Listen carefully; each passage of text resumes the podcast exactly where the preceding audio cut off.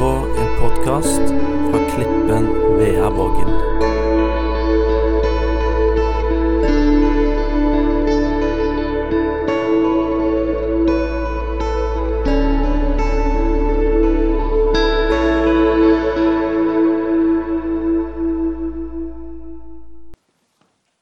Takk for muligheten til å være her sammen med dere i dag. Det har jeg gleda meg til lenge. Det er ganske lenge siden Willy sendte en eh, melding og lurte på om jeg hadde lyst og mulighet til å komme. Og, og det hadde jeg. Så var vi så heldige at vi fikk lov til å være med i går kveld på en flott Vi over 60-samling. Eh, der var det stor stemning eh, og mye glede, så det var, det var fint å være der. Og så er det fint å se hver og en av dere her i dag. Jeg er så heldig at jeg er gift med en sunnmøring. Og for eh, vel ti år siden så var vi så heldige at vi fikk kjøpt et gammelt hus eller ei hytte rett i nabolaget der som Britt er vokst opp. Og Nå skal jeg skryte litt av Sunnmøre. Og til og med for en sørlending så er det et fantastisk sted. Og hva er det som gjør det til et fantastisk sted? Det er iallfall ikke huset, for det er en sånn 200-300 år gammelt. Og vi har gjort en del for å få det veldig greit, så vi har det veldig greit. Men det som fascinerte meg, og som gjorde at altså Britt sier det er et under at jeg sa ja til å kjøpe det. Men det som gjorde at jeg sa ja til å være med og kjøpe det, det var utsikten. For utsikten er fantastisk. Vi er ca. på 200 høydemeter. Og så ser vi utover fjorden, og så ser vi rett over til Volda. Så vi ser liksom hele Volda for dere som er lokalkjent. Hvis ikke dere er lokalkjent, så er det bare å ta seg en tur for å se. Og så ser vi jo ikke bare dit, men vi ser jo enda lenger. For vi ser liksom langt innover det som kalles for Sunnmørsalpene. Og det er klart at på en solskinnsdag med, med hvite topper og blå himmel og blå sjø og grønt eh, i naturen, så er det et fantastisk utsyn. Det er det. Og hvis jeg finner på eh, Det burde vært oftere, men det hender at jeg finner på å ta med noen høydemeter til. Og hvis jeg finner på å gå eh, noen høydemeter til omtrent det dobbelte av eh, det som, som, vi ligger på, så får jeg et helt annet perspektiv. For da kommer jeg så langt opp at jeg til og med ser ut bak meg. Og da ser jeg jo enda flere fjorder, og da ser jeg liksom utover mot havet. Og får et enormt perspektiv. Og det er, en, det er jo derfor turistene kommer til Vestlandet. ikke sant? For å, for å se det perspektivet. Den naturen og det flotte Guds gave som han har gitt oss.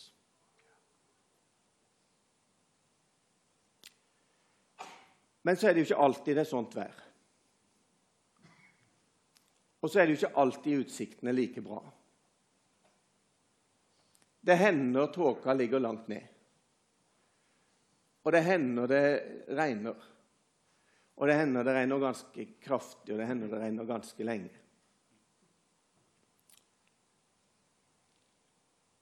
En sånn dag for uh, ca. halvannet år siden Det var en sommerdag. Det var en sommerdag med mye regn. Det hang litt langt ned fra himmelen. Det var ikke så lett å se verken den ene eller den andre veien. Men jeg kjente at jeg måtte ta meg en tur helt alene. En tur litt høyere opp. For det var ikke bare naturen som var tung den dagen. Men det var tungt i Kjells hjerte. Jeg hadde vært igjennom en krevende periode. En periode som tok på både ånd, sjel og kropp. Og det er ganske Det er ganske dramatisk kanskje å si det, men for en mann som hadde vært predikant i over 40 år, så gikk det til og med på troen løs. Går det an? Når du har vært forkynner og levd i tjeneste og levd i ordet og levd med et ønske om å tjene Gud, og så, og så skjer det ting i livet som du ikke har kontroll på, og som du ikke styrer konsekvensene av. Og så kan det altså til og med gå så langt at eh, det begynner Altså, jeg har hatt en utrolig enkel, barnslig tro bestandig. Jeg har det. Vokst opp i det, vært så heldig å vokse opp i det. Det har vært naturlig, det har vært en naturlig del. Har begynt som eh, forkynner. Eh, jeg skrev på Facebook jeg var her på Klippen første gang i 77. Eh, da var jeg en helt, helt ungdom og fikk lov til å, å, være med og begynne å tjene og ha stått hele livet. Og så skjer det ting i livet som gjør at perspektivet blir annerledes. Og så tærer det både på ånd, sjel og legem. Og så sleit jeg meg opp et par hundre høydemeter, og regnet det silte. Og så sto jeg der og prøvde å kikke utover. Det var tungt rundt meg. Det var tungt inni meg. Og plutselig så er det som jeg hører innenifra mitt eget hjerte. Det kom liksom, det kom liksom langt nedenifra. Og så hører jeg min egen stemme. Det var jo ingen andre mennesker rundt meg der. Men så hører jeg min egen stemme si Herre, la meg få se din herlighet.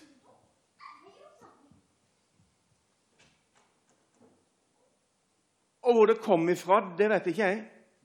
Men det kom dypt der nedenifra, og så kjente jeg bare at det, det, kom en, det, kom som et nødskrik på en måte nedenifra. Og så kommer det bare ut 'Herre, la meg se din herlighet'. Og så er jeg så heldig, da, at jeg hadde såpass bibelkunnskap og har såpass bibelkunnskap at jeg visste i hvilken sammenheng det For det var jo et bibelord, et bibelsitat at jeg visste med en gang hvor det kom ifra. Og hvilken sammenheng det kom i. Og dere, i sånne perioder i livet så er det godt og viktig å ha noe ballast. Da er det godt og viktig å ha noe innabords for, eh, for, selv om eh, ånden er skrøpelig og mennesket er skrøpelig, så er det sånn at ånden kommer vår skrøpelighet til hjelp. Og når ånden har ordet å ta tak i, så kan den løfte fram Guds ord for oss i de mørkeste stunder. Jeg visste at det var et sitat ifra Moses. Jeg visste det var et sitat fra Moses i 2. Mosebok, kapittel 33. Jeg visste at situasjonen for Moses det var et desperat behov etter å få se Guds herlighet på nytt igjen. Han hadde opplevd det før. Han hadde møtt Gud. Gud hadde talt til han i tornebusken. Gud hadde kalt han ut. Gud hadde vært med han. Han hadde fått lov til å oppleve at han fikk gå på det kall som Gud hadde gitt han. Han fikk lov til å gå i tro. Han opplevde at Herren stadfesta, og Herren var med. og Han åpna vei i havet, og, og, og liksom det skjedde under og tegn, og han fikk gå i et rikt liv. Og til slutt så var han med Herren på fjellet. Og Det er jo vidunderlig å være med Herren på fjellet, men mens Moses var med Herren på fjellet, så drev folket hans og laga en gullkalv. Og Når han kommer ned igjen fra fjellet, så danser folket hans rundt gullkalven og vender seg vekk i sin utålmodighet ifra Gud. Og Moses kjenner fortvilelsen. Han kjenner håpløsheten, han kjenner desperasjonen. Og så roper han til Gud og sier, 'Har du, har du svikta meg nå?' Og så kan jeg vite hvem som skal gå med meg videre, for jeg, du har jo gitt meg et kall. Jeg skal jo videre. Men åssen kan jeg vite at du er med meg videre? Og så kommer dette ropet ifra dypet av Moses hjerte. Herre, la meg få se din herlighet. Og når jeg står der, så Så kommer på en måte gjensvaret. Og gjensvaret som kommer, det lyder sånn Løft blikket. Løft blikket og se det omkring. Fra det stedet der du står. Se mot sør, se mot nord, se mot øst, se mot vest. Og alt det du ser, det er ditt. Og så er det det budskapet som Herren sender inn i mitt litt regntunge hjerte. Kjell, løft blikket akkurat der du står, og se deg omkring. Du kan se mot øst, mot vest, mot syd, mot nord. Og så kan du vite at alt det du ser, det er ditt. Og igjen så hadde jeg såpass bibelkunnskap at jeg visste at dette kom ifra. Og dette kom ifra Abraham, troens far. Det er han som fikk den oppmuntringen fra Gud.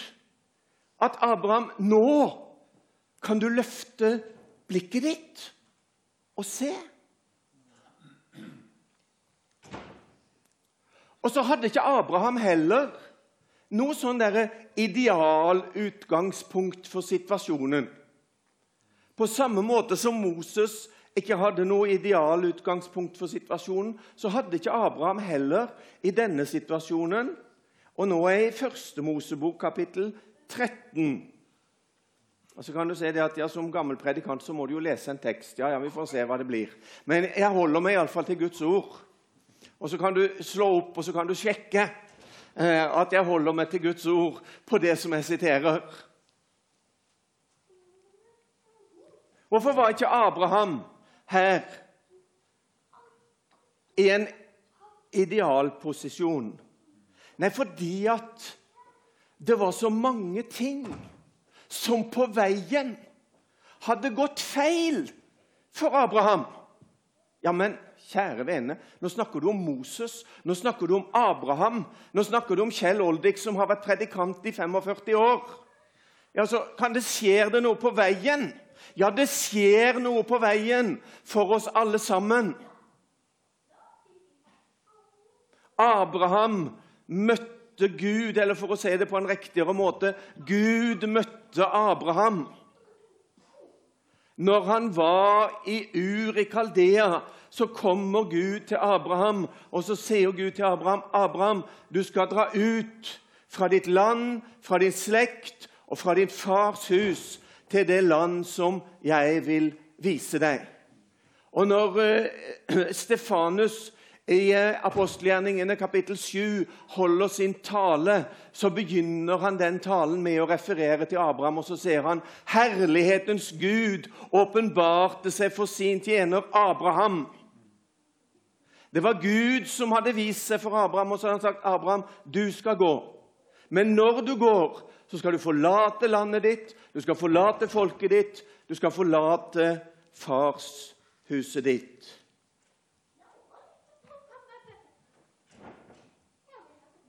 Åssen gikk det? Åssen gikk det med Abraham? Jeg leser så vidt fra kapittel 11 i Første Mosebok. Og fra vers 31 så står det Tara tok med seg sønnen Abraham. Og sønnesønnen Lot har hans sønn og svigerdatteren Sara, hans sønn Abrahams kone, sammen forlot de Ur i Kaldea for å dra til Kanans land. Men da de kom til Haran, slo de seg ned der. Hva er dette for noe? Var det det Gud hadde sagt? Hva var det vi leste? Og Hva var det jeg leste her? Jo, Tara tok med seg sønnen Abraham. Var det det Gud hadde sagt? Nei, hva var det Gud hadde sagt? Abraham, du skal forlate ditt land, ditt folk og din fars hus, og du skal dra ut.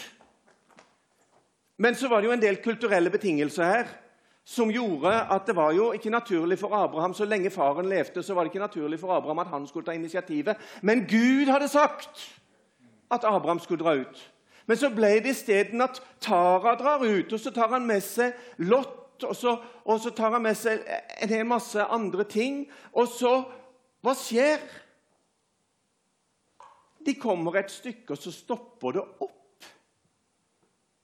De kommer til Haran eller Karan, som det står i gamle bibeloversettelser. Og så stopper det opp. Og så kommer de ikke lenger. Har du opplevd noen gang i livet ditt at det har stoppa litt opp? At det som Gud har kalt deg inn i, og det som Gud har gitt deg, og det som Gud vil at du skal stå i, at det på en måte har stoppa litt opp. Så stoppa det litt opp. Hvorfor det? For det var ikke det Gud hadde sagt. Men så sto det videre, og vi leste Men når Tara var død, så er Abraham fri ifra en av delene. Og da går han videre. Men han har fremdeles Lot med seg. Og så kommer han inn i Kanans land, det som skulle være det gode landet som flyter med melk og honning. Det var det som var løftet. Abraham, du skal komme inn i det gode landet, det som flyter med melk og honning. Men hva opplever han når han kommer inn i det landet? Han opplever hungersnød og katastrofe. Og hva skjer? Han som skulle inn i et godt og vidstrakt land, et land som flyter med melk og honning. Han havner i Egypt. For å overleve så havner han i Egypt.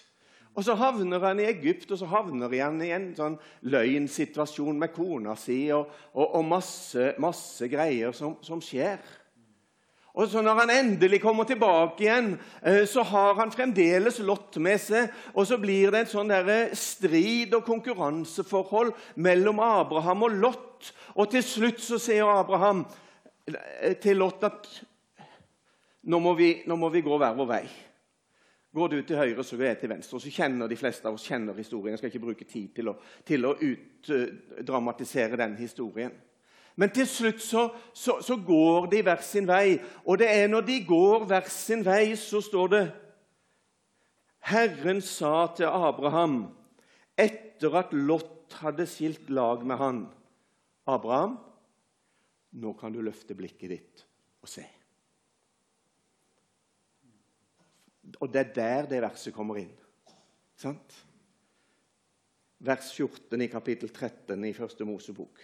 Herren sa til Abraham etter at Lot hadde skilt lag med han, løft blikket og se deg omkring fra det sted der du står, mot nord, mot sør, mot øst, mot vest. For hele det landet du ser, vil jeg gi deg.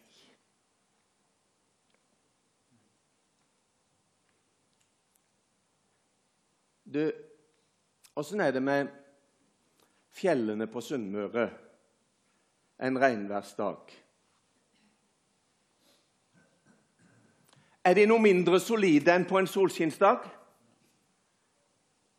Står de noe mindre støtt på en regnværsdag enn på en solskinnsdag?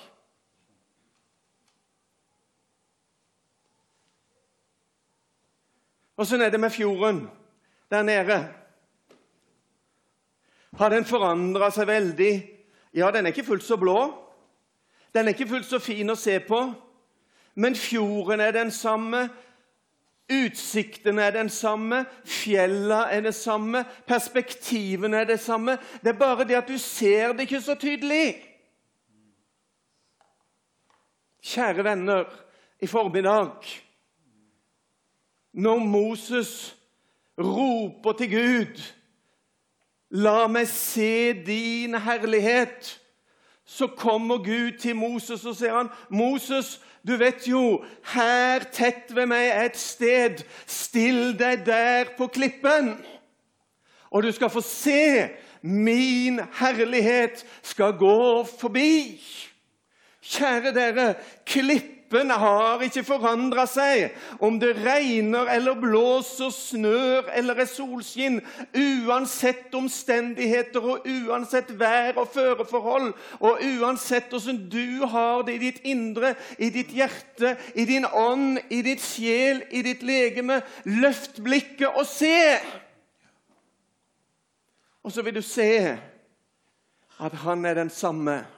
Og så står det på veggen foran meg her fremdeles Stor er din trofasthet. Stor er din trofasthet. Dag etter dag så er han den samme. Og så tror jeg budskapet til oss er i formiddag. Det er ikke veldig ofte jeg er så personlig som jeg har vært i formiddag. Men jeg tror budskapet til oss i formiddag det er en oppmuntring til hver eneste en av oss, uansett hvor du står. Uansett hvordan situasjonen er i ditt liv. Uansett hvor mye smerte, lidelse, nød, hva det enn måtte være, som fyller ditt hjerte, din tanke, din kropp, din sjel, din ånd, hva det enn måtte være så lyder det en hilsen til deg her i formiddag. Løft blikket ditt og se. Og hva får Abraham se når han løfter blikket? Hva får han se? Han får se at han står midt i det Herren hadde lovt. Halleluja. Det var bare det at eh, det var så mye greier på himmelen, og det var så mye greier og omstendigheter, og det var så mange ting rundt han at han klarte ikke å se helt klart. Men når han liksom får frigjort seg ifra alle disse tinga som tynga han ned, og han fikk legge byrdene av, og han fikk frigjøre seg fra omstendighetene og, og ifra faren og ifra nevøen og ifra kulturen og ifra alle disse tinga som på en måte var med å binde han i, i, i hele situasjonen når han liksom får, får legge av alt sammen, så kommer Herren til han og sier Abraham, nå kan du løfte blikket ditt. Og så kan du få lov til i formiddag så kan du få lov til å legge av. Kan få lov til å legge av alt som tynger deg. Så kan du få lov til å legge det av, og så kan du få lov til å se. Løft blikket og se. Og hva får du se? Du står midt i det Herren har kalt deg til og du står midt i det Herren har lovt deg. Han sto midt i løfteslandet, men han så det ikke. Han sto midt i rikdommen, men han så det ikke. Han sto midt i et land som flyter og som fløyt av melk og honning, men han så det ikke. Og så står jeg der på en regntung dag, og så kjenner en at Herren i sin grenseløse nåde I går kveld så snakka jeg om nåden bærer hele livet. Halleluja. Og Det er vidunderlig å få lov til å oppleve. At en får lov til å stå der, og så bærer nåden hele livet. Og så fikk jeg lov til å se. Fjellet var ikke forandra. Fjorden var ikke forandra. Utsikten var ikke forandra. Herren hadde ikke forandra seg, men Gud er den samme. Og så fikk jeg et gjensvar på denne nøden som egentlig ikke var bevisst. og ikke, den kom, den, Ikke så langt jeg kan registrere, så kom den ikke fra hjernen. Den kom ikke fra eh, logikken eller fornuften, eller, eller, noe sånt, men den kom dypt, dypt der nedenifra, dypet av hjertet. Herre, la meg få se din herlighet. Og så er det ikke noe hokus pokus med det. Så er det ikke noe sånn der voldsomme greier med det. Men det går an å stå der og bare løfte blikket. Og så lov til å få kjenne at grunnvollen under, den er uforanderlig. Den står der. Den blir.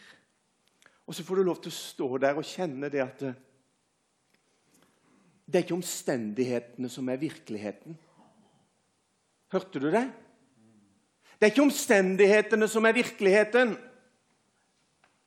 Om du kjenner det sånn eller sånn, eller føler det sånn eller slik, så er det ikke omstendighetene som er virkeligheten, men virkeligheten er du står på et fullbrakt forløsningsverk. Du står på det Kristus gjorde på Golgata. Du står på et verk som er fullkomment, og som står og som blir. Om himmel og jord forgår, og alltid rystes rundt deg, så er det et fundament som står og som blir. Uansett hva som skjer rundt deg, og uansett hva som skjer i deg. Og tenk å få gå ned ifra en sånn fjelltur på en regntung dag for en gammel predikant og kjenne at 'nå har jeg to nye prekener'. Halleluja!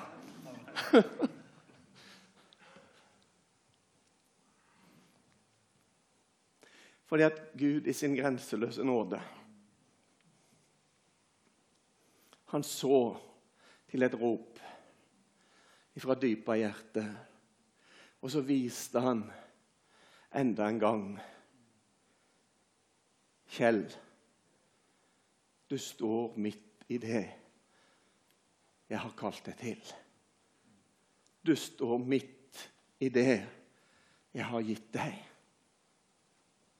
Du står midt i klippens fullbrakte forløsningsverk. Du står midt i Kristus. Du står midt i all den rikdomsfylde som Han i sin grenseløse nåde har gitt deg. Selv om du ikke ser det, så står du midt i det. Selv om du ikke ser det, selv om du ikke kjenner det, selv om ikke følelsene dine omstendighetene er med på det, så er virkeligheten ut ifra Guds ord. Og sannheten ut ifra Guds ord, den er du står der midt i det. Derfor var budskapet til Abraham løft blikket ditt fra det stedet du står. Der du står akkurat nå. Og så er det min hilsen til deg her i formiddag. Nå, nå kjenner jeg ingen av dere sånn at jeg vet hvordan de dere har det. Men vår Herre, han vet det. Og du vet det. Åssen du har det. Og så er min hilsen jeg tror den er fra Herren til deg i formiddag. Akkurat der du står, akkurat nå. Akkurat sånn som du har det akkurat nå, kan du få lov til å løfte blikket ditt. Og så kan du få se realiteten. Så kan du få se realiteten. Og hva er realiteten? Nå har jeg sagt det noen ganger, men jeg ser det enda en gang. Realiteten er du står midt i det Herren har kalt deg til. Du står midt i den rikdom som Herren i sin grenseløse nåde på grunn av Jesu Kristi forsoning har gitt deg, så står du midt i et godt og vidstrakt land. Et land som flyter med melk og honning. Jeg har mange ganger vært fascinert av fars møte med den hjemmeværende sønnen. Han syntes litt synd på seg sjøl, for det ble så mye ståhei rundt han som hadde vært ute og rota det til. Og han hadde bare vært snill og trofast gutt der hjemme hos far hele livet. Og Så syntes han det ble litt mye ståhei og litt mye ut av det når faren stelte i stand med den beste kledning og sko og ring og øh, fest og gjøkalv og alt sammen. Det ble litt urettferdig. Altså, hva blir det på meg, da?